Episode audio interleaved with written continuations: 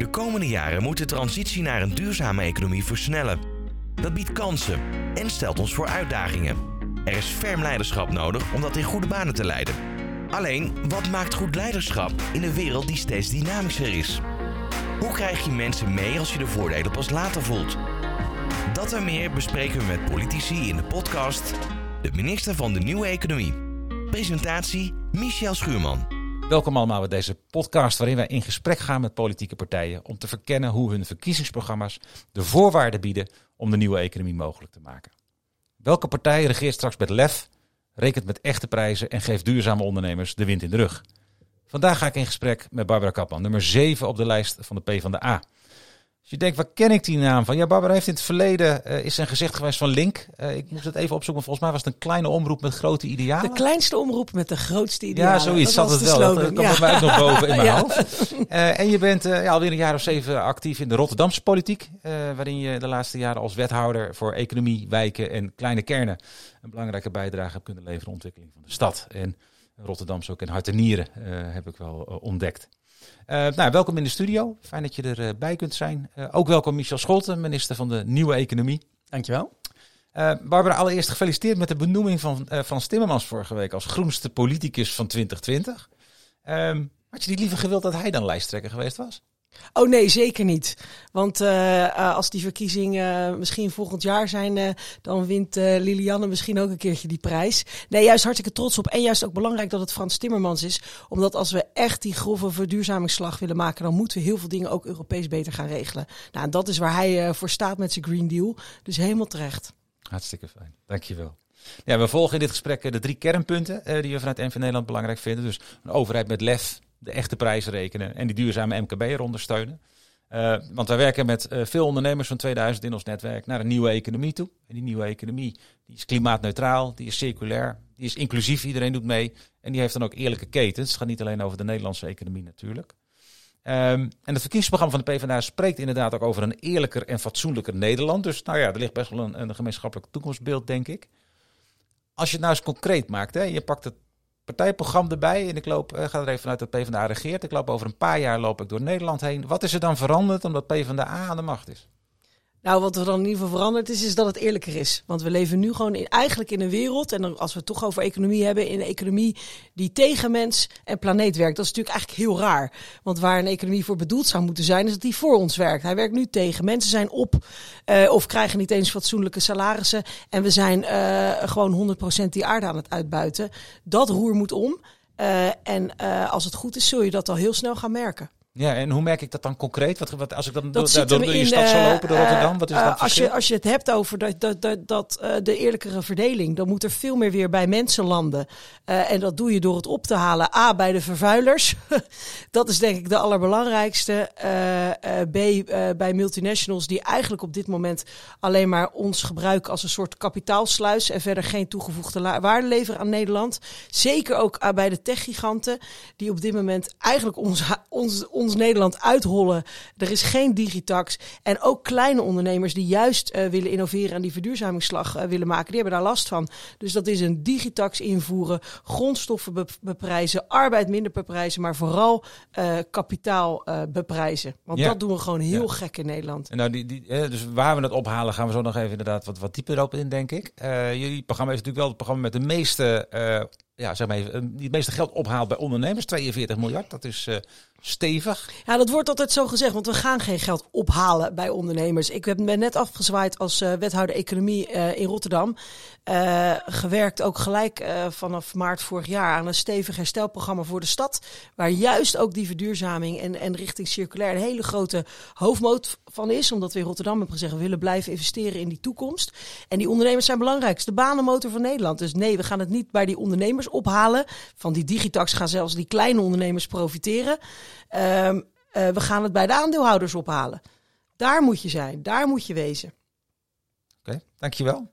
Um, Nou, kun je dan nog toelichten? Uh, wat is daar dan? Uh, ja, waar het ook gewoon over gaat, is, is als je als, als, grote bedrijf, want we hebben het hier over grote bedrijven, we hebben het hier niet over MKB'ers die nu in de rat zitten, eigenlijk ook best wel mee willen doen aan een beter Nederland, maar op dit moment natuurlijk gewoon helemaal niks kunnen door die coronacrisis. We hebben het hier over hele grote multinationals of dus over techgiganten, um, uh, die op dit moment gewoon veel te weinig winstbelasting betalen. En wat is nou winst? Winst gaat naar de aandeelhouders. Nou, Nederland mag toch ook wel een beetje mee profiteren van die winst. Volgens mij iedereen die hier goed en succesvol zaken doet, die mag ook gewoon investeren in dat beter Nederland. Laten we het even specificeren. Dus kijk naar, uh, want dus we hebben nu de, uh, de cijferregen die altijd rond deze tijd uh, plaatsvindt. Hè. De, alle multinational beursgenoteerde bedrijven die rapporteren hun jaarverslagen. Als ik de krant opensla, dan zie ik daar dat er verschillende CEO's um, miljoenen meekrijgen. Uh, zeg een Heineken CEO die 12 miljoen krijgt, een CEO van uh, Ahold die uh, eh, 6 miljoen meekrijgt, een, CFO van Friesland Campina die 1,1 miljoen meekrijgt. Tegelijkertijd is er nog geen overeenkomst over de CAO van vakkenvullers. Er gaan, ik geloof, 6000 man weg bij Heineken, waar ook een fors honderden bij in, in Nederland. Horeca-ondernemers die staan inderdaad op omvallen.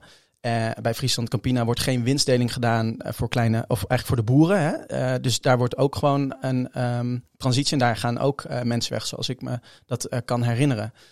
Wat is dan uw plan om hier paal en perk aan te stellen? Nog even een laatste trouwens, is dat er ook nog 220 miljoen, als ik het goed heb, of echt honderden miljoenen aan dividend is uitgekeerd door, door Ahold. Wat, wat kunt u dan doen als PvdA om ja, deze tegenstelling um, nou ja, wat eh, zeg maar, eh, wat, wat op te lossen.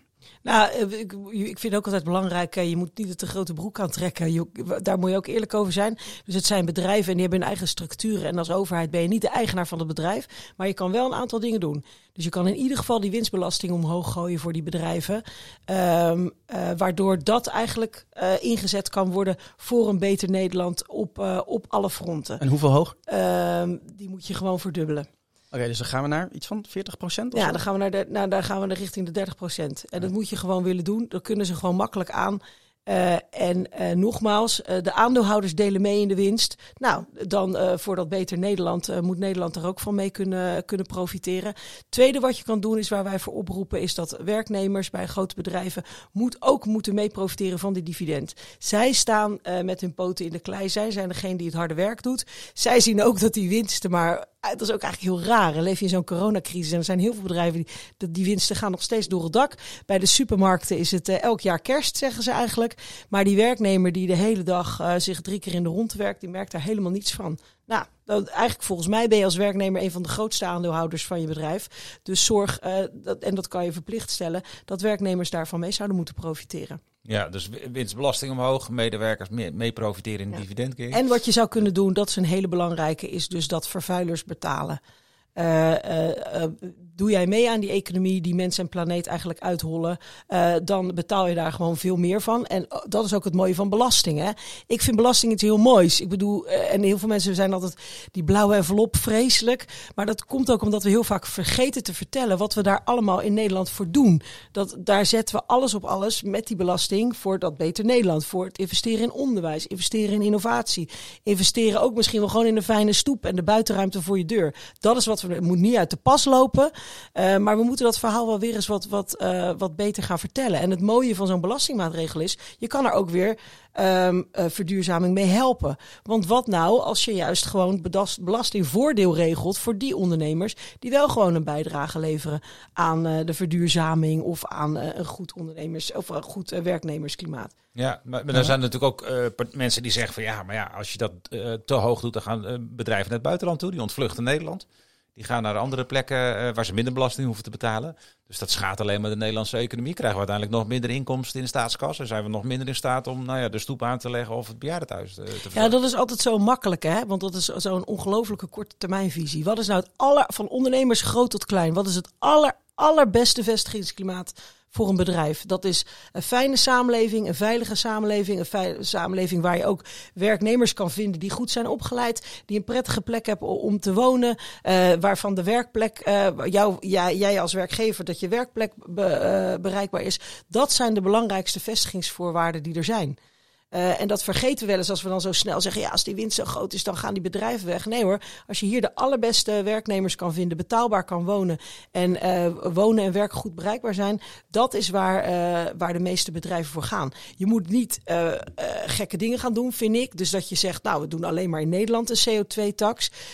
Da, da, dan creëer je gelijk een soort van ongelijk speelveld. Maar dan moet je in Europa zeker wel willen regelen. je moet ook juist met Europa samen optrekken om al die veel te goedkope producten uit China. Nou ja, komen ze bij de grenzen in Europa aan. Nou, hop, dan douw je die CO2-tax er daarop. Zodat wij in Europa wel even laten zien. Uh, uh, hoe het wel werkt. Helder. Heel veel als we dan kijken naar dat punt van de vervuiler betaalt. Hè.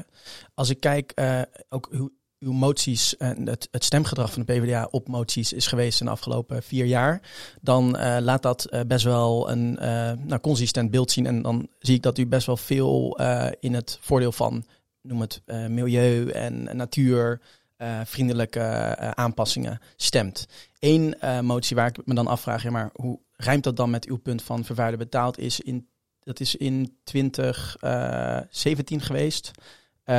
In juni, waar een gewijzigde motie van de leden Wassenberg en Beckman over de onwenselijkheid dat in de energie-intensieve industrie niet de vervuiler betaalt. Daar is tegen gestemd in contrast met de andere partijen op meer de linkse economische positie. Um, ja, daar zie je dus geen, noem het, vervuiler betaald.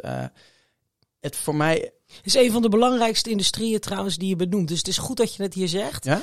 En ook dank dat je het, dat je het uh, uh, laat uitleggen. Um, de, als je het hebt over zeg maar de, de meest um, energie-intensieve industrieën, dat is 40% zit eigenlijk hier in Nederland. Of in een straal van 250 kilometer om Rotterdam. Dan heb je het over ja. Roergebied, Antwerpen. Precies. De, de echt, hè, daar hebben we het over petrochemische industrie, ja. de agrochemische industrie, kunstmest komt er vandaan. Ja. Uh, daaromheen nog de, de, de hoogovens. Dat zijn de aller, noem het, uh, intensie, energie-intensiefste. Uh, de, ook de grootste energie-slurpers van Nederland. Hè. Daar, daar komt, als je het gewoon hebt, hè, er wordt vaak over de burgers en minder lampjes uitzetten en zo. Dat is natuurlijk verwaarloosbaar op die gigantische schaal van die industrie. En het bizarre is dus 40% van die industrie zit eigenlijk in 250 kilometer rondom uh, Rotterdam van heel Europa. Ja. Dus we kunnen hier ook een heel groot probleem oplossen. Is een kans. Ja, en, en wat is maar dan wat, wat ik denk waar deze motie, waarom wij daar nee tegen hebben gezegd, is omdat als je dit dan zou doen, uh, en dat zou dan eigenlijk alleen maar gelden voor uh, havenindustrieel complex Rotterdam-Moerdijk. Want Roergebied en Antwerpen uh, laat je dan buiten beschouwing. Mm -hmm. Wat gaat er dan gebeuren? En dit is ook waarom het zo fijn is dat Frans Timmermans er zit en dat hij terecht die prijs heeft gewonnen. dan krijg je, en ik, ik, ik vond hem altijd ook een hele fijne sparringspartner, wat Frans de Boer vaak zegt. De haven armer, de aarde warmer. Dat is wat je daarmee creëert je, wat je moet doen, is wel zorgen dat die investeringsbereidheid van die bedrijven om te verduurzamen, dat die blijft bestaan. En wat daarvoor heel erg belangrijk is, is dat je dus dat Europese gelijke speelveld hebt. Dat je bij de grenzen van Europa zorgt dat die CO2-tax er meteen opgaat. Als je aan de grens komt, dat dus geen product te goedkoop is of waar die CO2-uitstoot niet in is meegenomen. Uh, maar je moet niet hebben dat wij in Nederland dit eventjes gaan doen, alleen maar binnen onze grenzen. En al die bedrijven die eigenlijk klaarstaan met hun investeringen om uh, hele forse uh, verduurzamingsslagen te maken, dat die dan maar vertrekken naar landen uh, waar ze dan ook misschien minder prikkels hebben om, om dat te doen.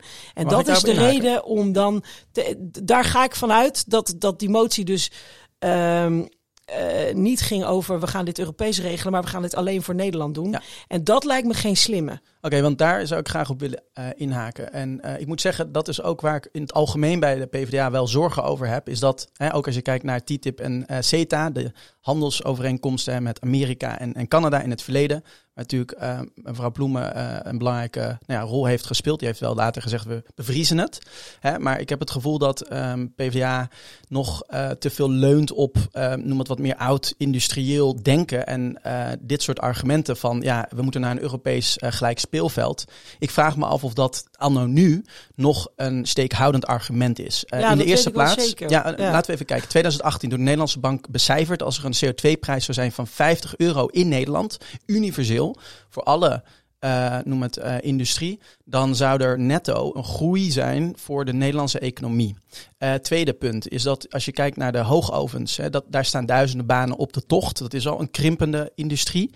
Um, en je ziet dat er een overnamekandidaat is, of een kandidaat was uit Zweden die wilde, die had gevorderde gesprekken voor een overname. Die is afgehaakt omdat het niet voldoende duurzaam is. Als je kijkt naar Shell, daar zijn um, ehm, 900 Nederlandse banen uh, die worden geschrapt.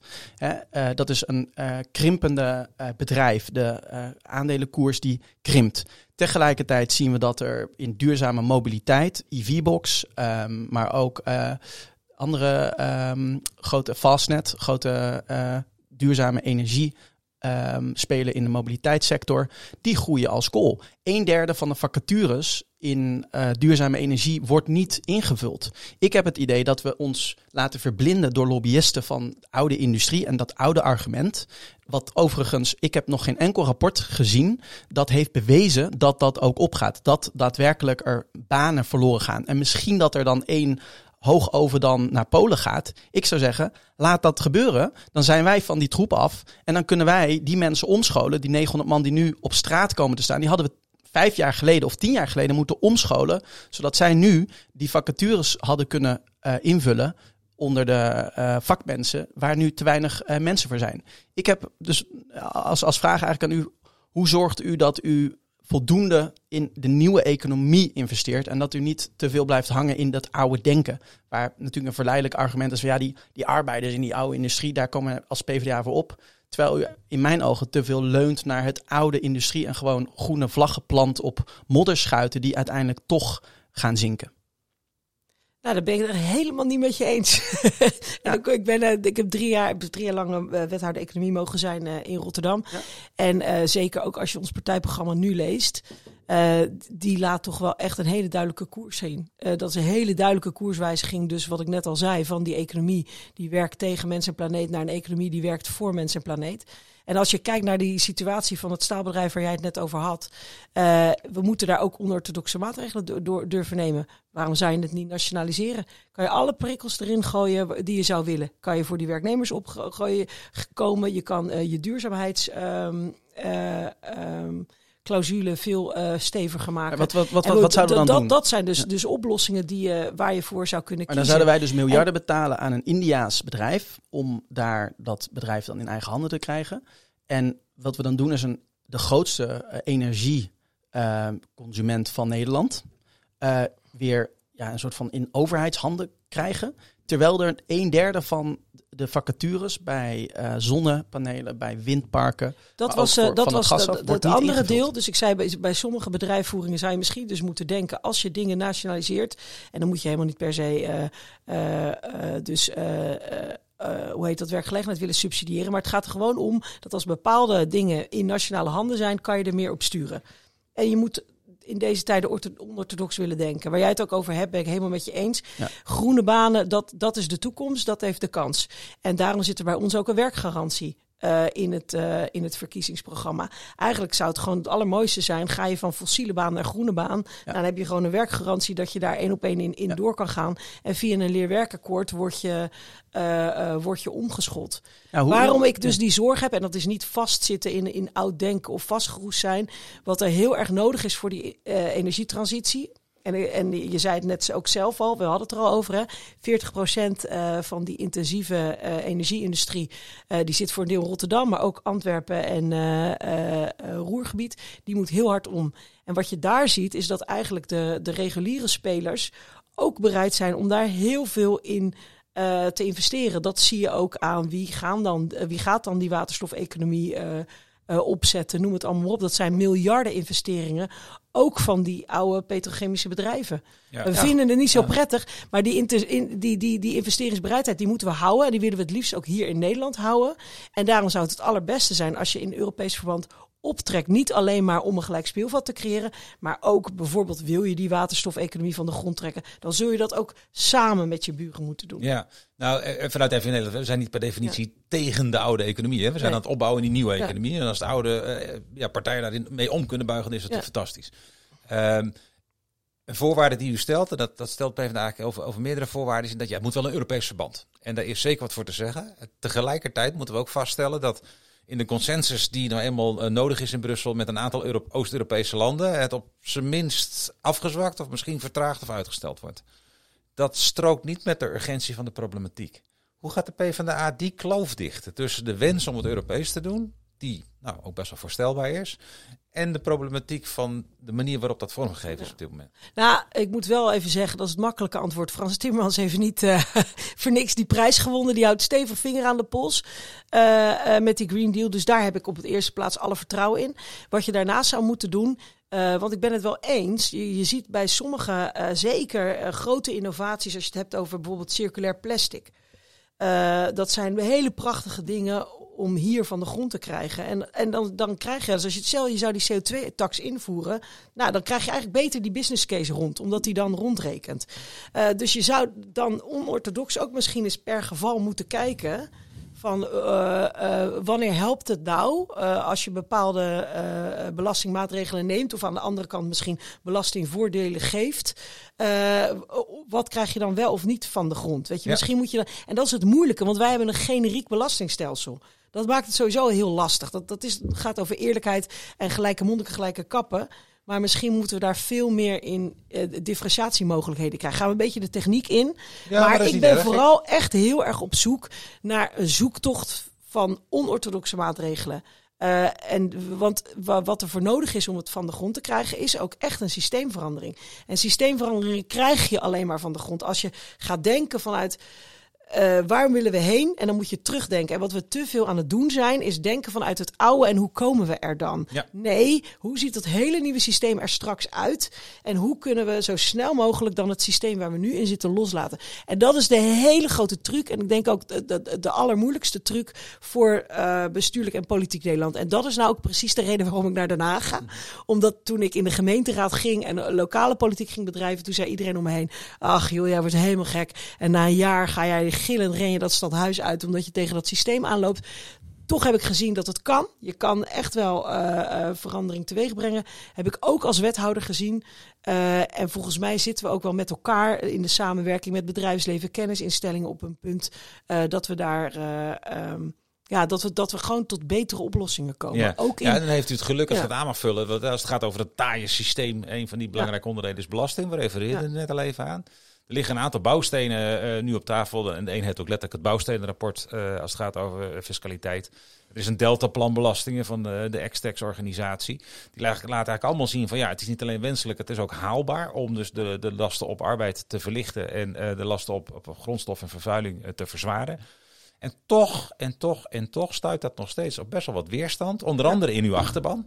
Uh, van vakbonden en dergelijke, die dit nog niet breed omarmen. Ja. Uh, wat kunt u eraan doen om dat te zorgen dat dat toch zometeen in informatie wel op tafel komt? Ja, roepen, roepen, roepen. Hè? Dat, want het is heel moeilijk. Je, maar je moet in ieder geval nooit schromen en geen minuut uh, voorbij laten gaan dat je het verhaal niet vertelt.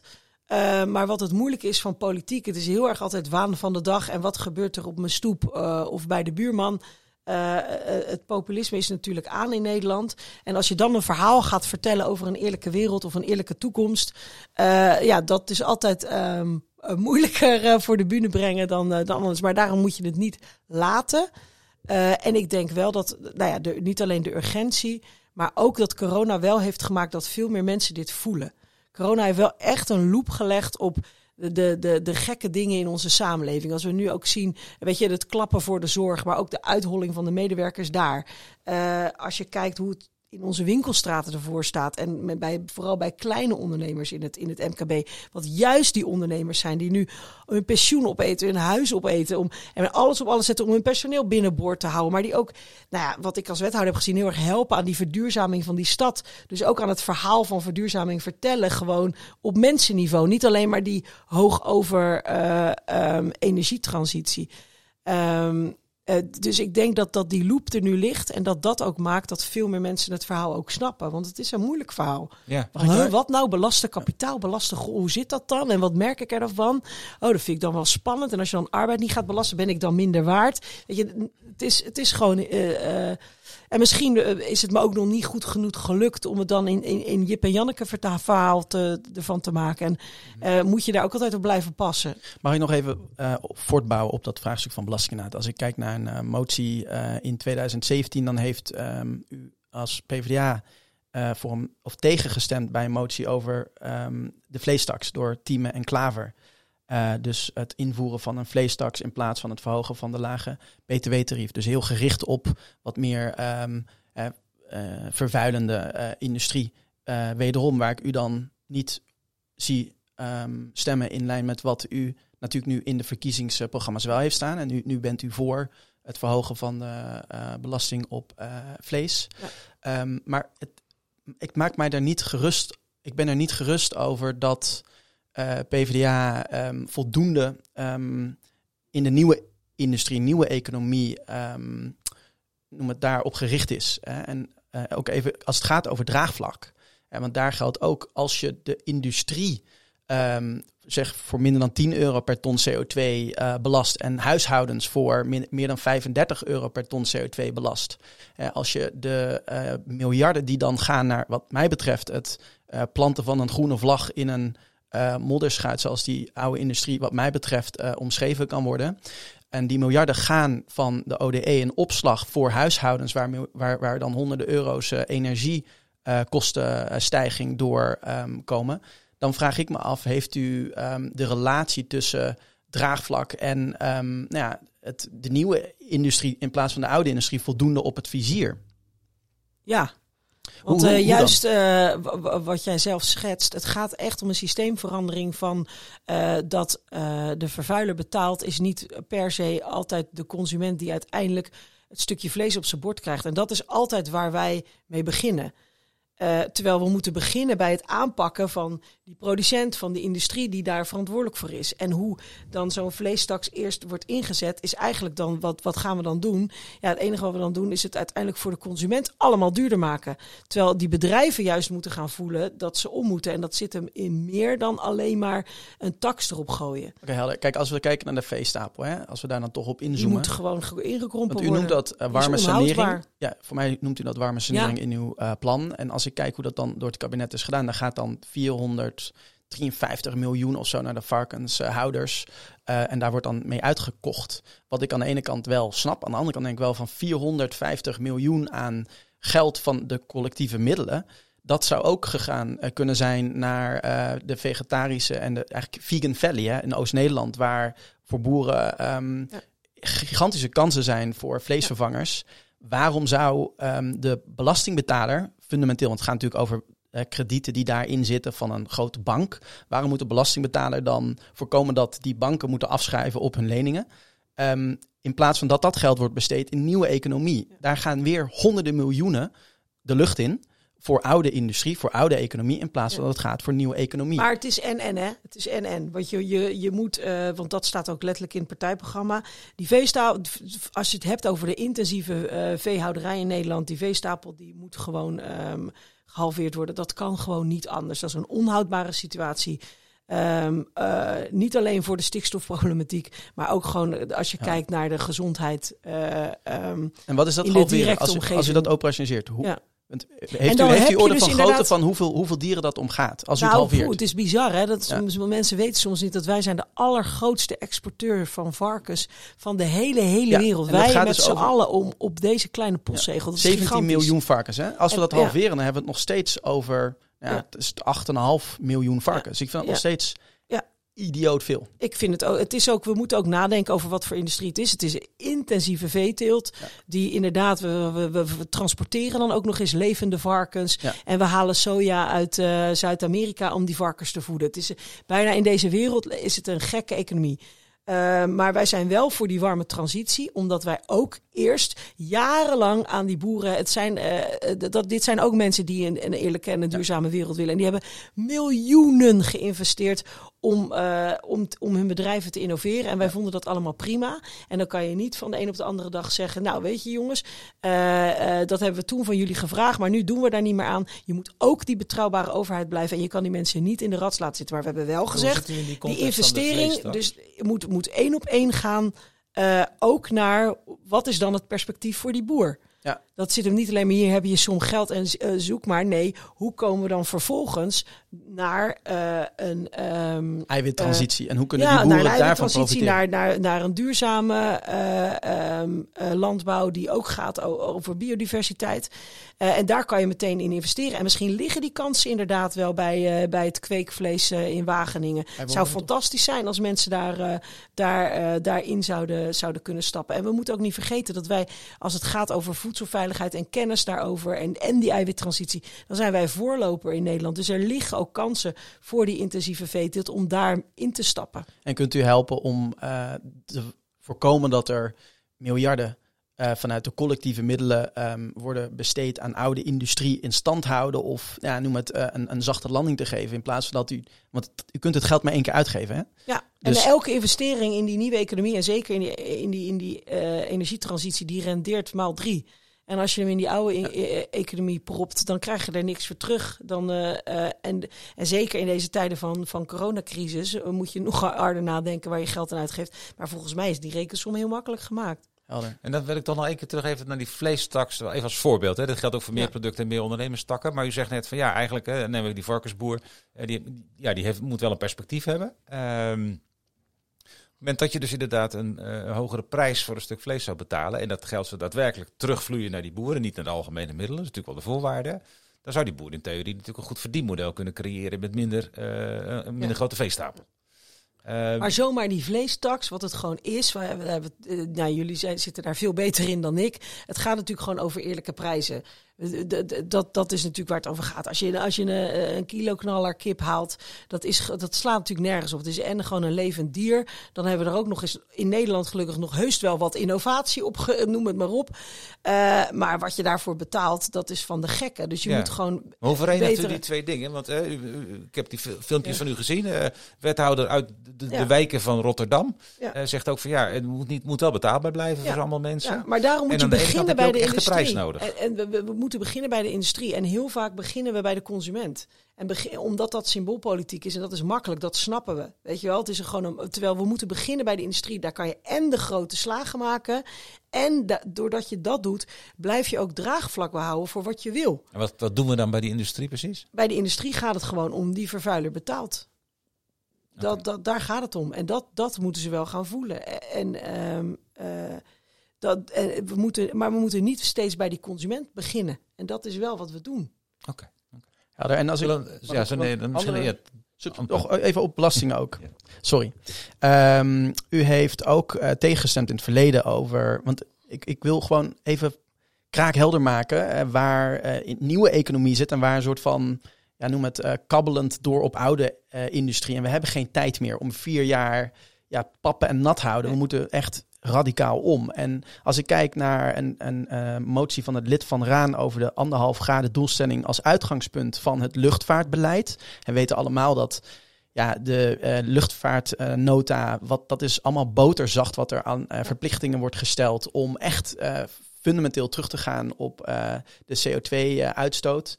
en ook een andere, en daar heeft u tegen gestemd. En ook een andere over Lelystad Airport heeft u. Um, of nee, volgens mij heeft u daar wel consistent uh, gestemd dat u. Nou, misschien kunt u daar nog, iets over zeggen hoe u staat tegenover de uitbreiding van Lelystad Airport. Maar daar gaat het ook het over alle... het belasten uh, en het belasten van, dat staat ook in het Extex-programma, belasten van uh, luchtvaart in het voordeel eigenlijk van um, het belast, de, de, verlagen van belasting op arbeid. Want als je daar zeg maar inkomsten haalt voor de belastingdienst, dan kan je naar beneden op de inkomsten op, uh, op arbeid. Ja. Hoe, hoe, hoe, ja, wat is uw visie uh, op, op luchtvaart en op het. Ja, wat het allerbelangrijkste is, is dat in ons partijprogramma gewoon die 55% doelstelling, uh, die moeten we gewoon, gewoon gaan halen. Die is ook doorgerekend en gelukkig is dat dus realistisch haalbaar. Niemand moet gewoon meer zeggen dat het niet kan. Het kan. Oh, en dat is niet alleen in ons partijprogramma. Zij, dus ik ga je niet alleen maar voor de parochie van de PvdA spreken, maar alle partijen die die, die, die anderhalve graad uh, tijdlijn um, uh, hanteren in hun partijprogramma's. Zijn allemaal doorgerekend. En allemaal dus realistisch met banenbehoud. Zelfs sommige met economische groei. Hoewel ik altijd de groei en verduurzaming altijd te moeilijk met elkaar te rijmen vind. Ja. Maar, uh, niet, als we het dan op de, op de luchtvaart hebben, dat is, dat is echt heel zorgelijk. Want als je eigenlijk kijkt naar, naar wat voor groeimarkt dat is, dan zit je straks op 700% meer vliegen. Nou, we weten één ding, we willen minder vliegen. Dus wat we daar heel snel moeten doen, is zeker op korte vluchten gewoon een tax. Uh, daar moet je hem snel uh, gaan invoeren. Uh, heel snel inzetten op veel betere treinverbindingen binnen Europa. En daarmee moet je dan eigenlijk gewoon die intercontinentale of de, de, de, de, de, de binnen-Europese vluchten, kan je daarmee eruit halen. Ik ben ongelooflijk trots op ook dat het nou ja, dat we er alles op alles hebben gezet om die douanehandling tussen bijvoorbeeld Rotterdam en Londen snel van de grond te krijgen. Je bent daar nu vier uur van deur tot deur. En je kan me echt niet te vertellen, al, al is die, die, die, die klok gaat dan nog een uurtje terug. En je moet natuurlijk naar een vliegveld. Maar als je kijkt hoe lang je dan bezig bent. En je kan dat gewoon fijn in de trein doen. Van hartje stad naar hartje stad. Uh, dat is waar we op in moeten zetten. En dan kunnen die vluchten er heel snel uit. En ook daar weer moeten we niet vergissen. We, we moeten niet beginnen bij dat gezin. Wat één keer per jaar op vakantie gaat naar Turkije. Ja. We moeten beginnen bij die bedrijven. Die de hele dag de wereld rondvliegen. Conferenties op vliegvelden houden. Uh, elke dag heen en weer vliegen tussen Londen, München of noem maar op.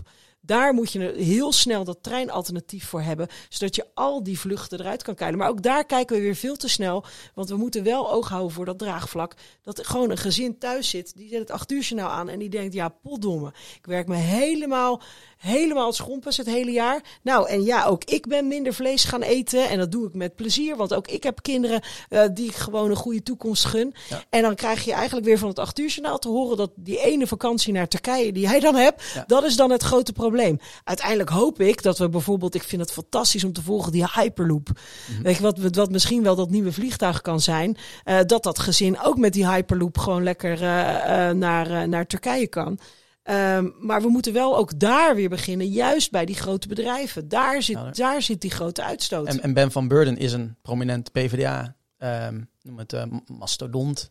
Uh, en ook nu de directeur uh, van Schiphol, oud Scheller.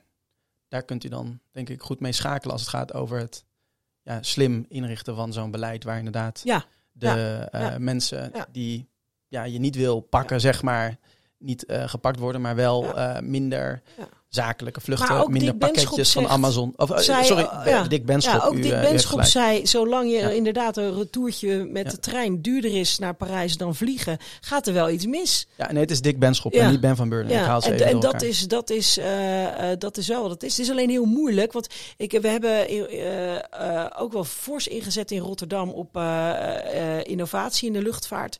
Maar je ziet dat, is, dat behalve die Hyperloop, dat, dat gaat nu wel snel, is dat heel moeilijk. Weet je, elektrisch vliegen zijn hele korte afstanden, eh, eh, schonere motoren, dat, dat gaat jaren duren. Maar we blijven daar wel op investeren. Het is een hele mooie campus tussen Delft en Rotterdam, waar ook allemaal van die knappe koppen zich eigenlijk de hele tijd bezighouden. Daarom ook gelukkig dat die Hyperloop daar, eh, daar geboren is. Ehm, met hoe, hoe krijg je het in ieder geval snel, uh, snel beter. Maar zolang we er niet zijn, noem ik het ook altijd een beetje gezonde patat. Het is heel lekker. En dat, Ja, het blijft, Ja, eh, maar- ja, blijft eruit ja, maken, maar het blijft vet. Met, uh, ja. Als ik uh, met een oog op de tijd naar als laatste onderwerp wil gaan. Steunen duurzame ondernemer. Dat komt eigenlijk op neer met een focus op het MKB, maar hij is natuurlijk breder. Dan staat eigenlijk in uw programma, en ik lees dat even voor. Uh, bedrijven die winst maken ten koste van mensen en planeet hebben geen bestaansrecht. We noemen dat ook wel een soort van. Sociale en groene ondernemers krijgen een voorrang bij aanbestedingen van de overheid. Nou is dat natuurlijk een dossier wat ook al heel lang op papier klopt, maar in praktijk toch zeer weerbarstig is. Wat gaat u veranderen? Nou, wat je daar moet veranderen, en dit is echt ook alweer een systeemdiscussie, dus excuses luisteraars dat het altijd dan weer een beetje saai is. Want je hebt helemaal gelijk, alle seinen staan op groen. Sowieso ook voor het duurzaam inkopen, voor het maatschappelijk verantwoord inkopen, uh, voor het maatschappelijk verantwoord en duurzaam. En ook zeker in de bouw is dit een hele belangrijke uh, uh, voor circulair bouwen. Alles staat op groen. Alle moties zijn bij alle, ook lokale overheden, ook in de gemeenteraad van Rotterdam, in Den Haag al ingevoerd. Alleen blijft het zo dat die op de een of andere manier door de, de, die, die, die verkokering van.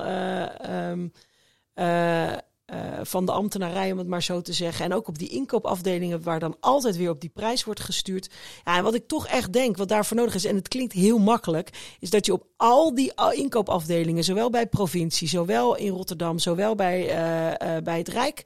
Uh, daar moet je dus daar is, uh, in het vacaturebeleid zet daar een klimaatactivist neer, zet daar een ondernemer neer die heel erg snapt wanneer de regels gewoon niet helpen, maar in de weg zitten. Uh, zet daar misschien ook iemand van 22 die, die een studie doet en, en zich hier druk over maakt. dat is de, volgens mij de manier hoe je dat, hoe je dat veranderd krijgt. Ja, ja, en dan zien we in praktijk natuurlijk ook vaak dat zeg maar, de regievoering, laten we even als bouw als voorbeeld nemen. En dan is Rotterdam inderdaad een mooie stad die, dat, die daar best wel wat dingen, mooie dingen in doet. Um, je ziet eigenlijk dat de regievoering vaak ontbreekt. Dus die inkoper wil met alle beste bedoelingen wat doen. Maar ja, kan dat maar doen binnen de marges die de spelregels die hij opgelegd heeft gekregen. Ergens een projectleider aan het begin van de rit zegt, ja, het moet wel vooral duurzaam. En daartussen gebeurt een hele hoop, maar niet dat het duurzaam nee, En die inkoper die wordt ook gewoon nog steeds, en dat gaat natuurlijk ook mis, die wordt gewoon gestuurd door het geld dus uiteindelijk is, gewoon, is, er, is er een projectje daar zoveel geld voor. Ja, en dan moet je je inkopen gewoon zo goedkoop mogelijk doen. Dat is wat wij hebben geleerd in Nederland. En, en, dat oh moet er, en dat moet er gewoon uit. En uh, wat ik wel mooi vind, dat is een goed initiatief ook uh, wat, wat, uh, wat al bestaat. En dat moeten we gewoon veel meer door gaan zetten, zijn die MKB-deals. Um, daar doen wij ook in Rotterdam, uh, uh, deden we daar aan mee, maar dat veel meer gemeenten. Waar je eigenlijk zodra je een regel maakt of nieuw beleid maakt, dus ook je inkoopbeleid, dan zet je al ondernemers bij je aan tafel van hé, hey, wat gaat er hier nou in de basis eigenlijk al mis? En hoe zorgen we nou?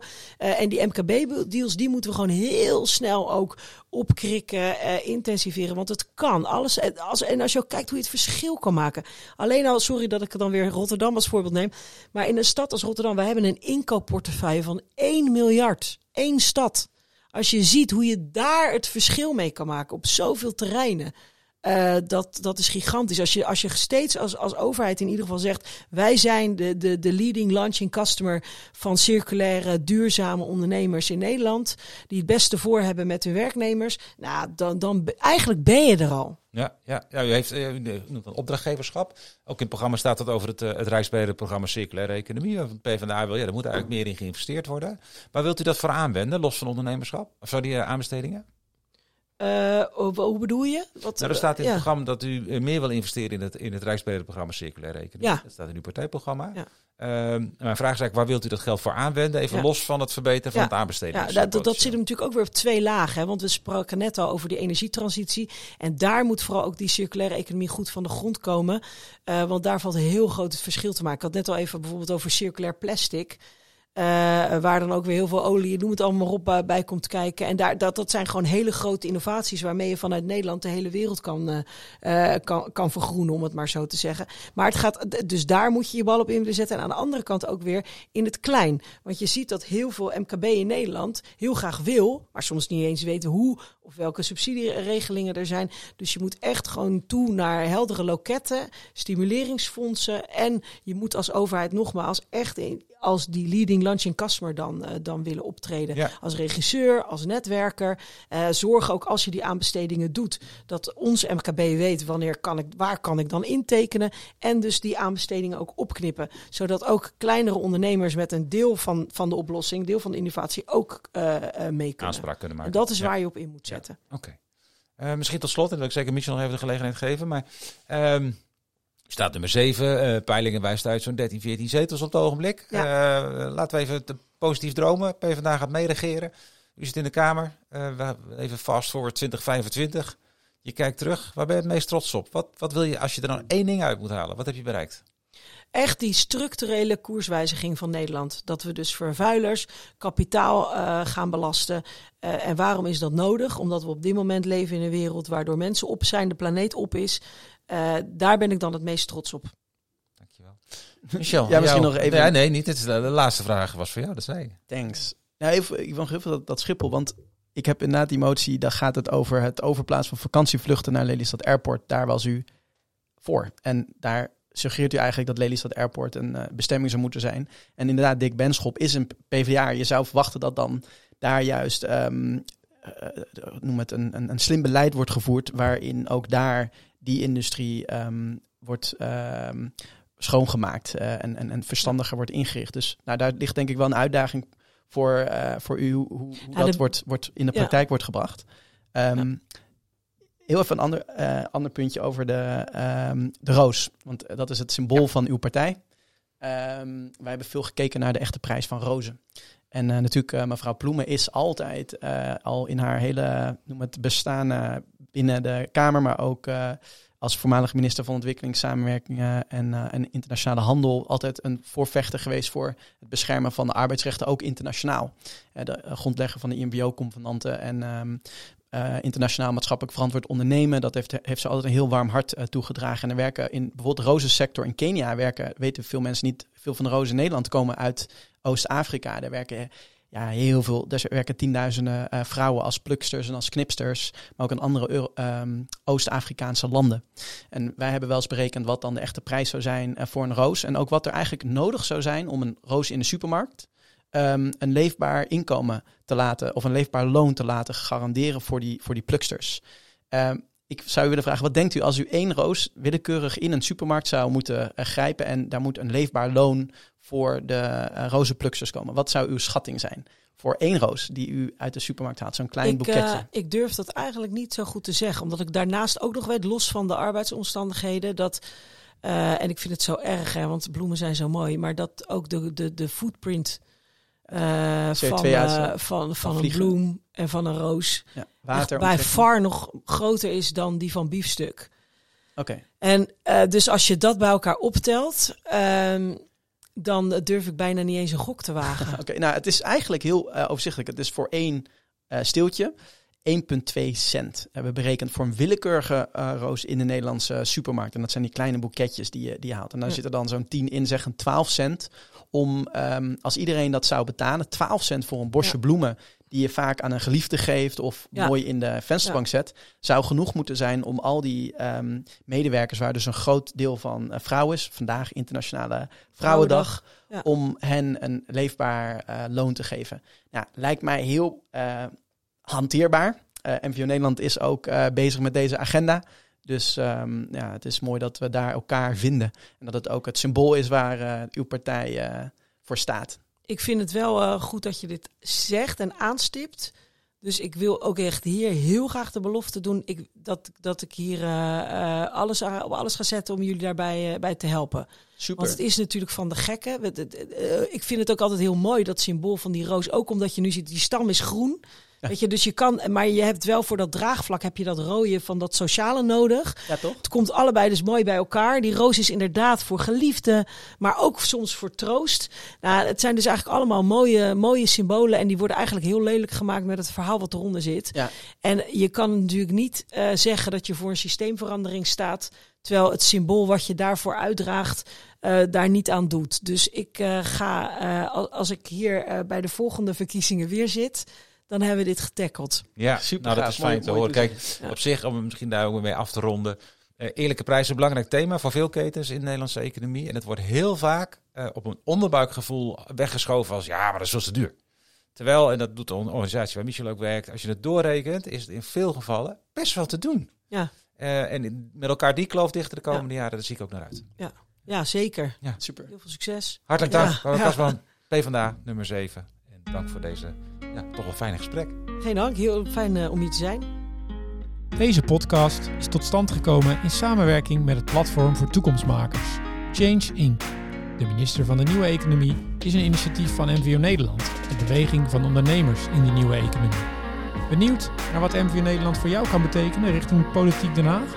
Je vindt het op www.mvonederland.nl.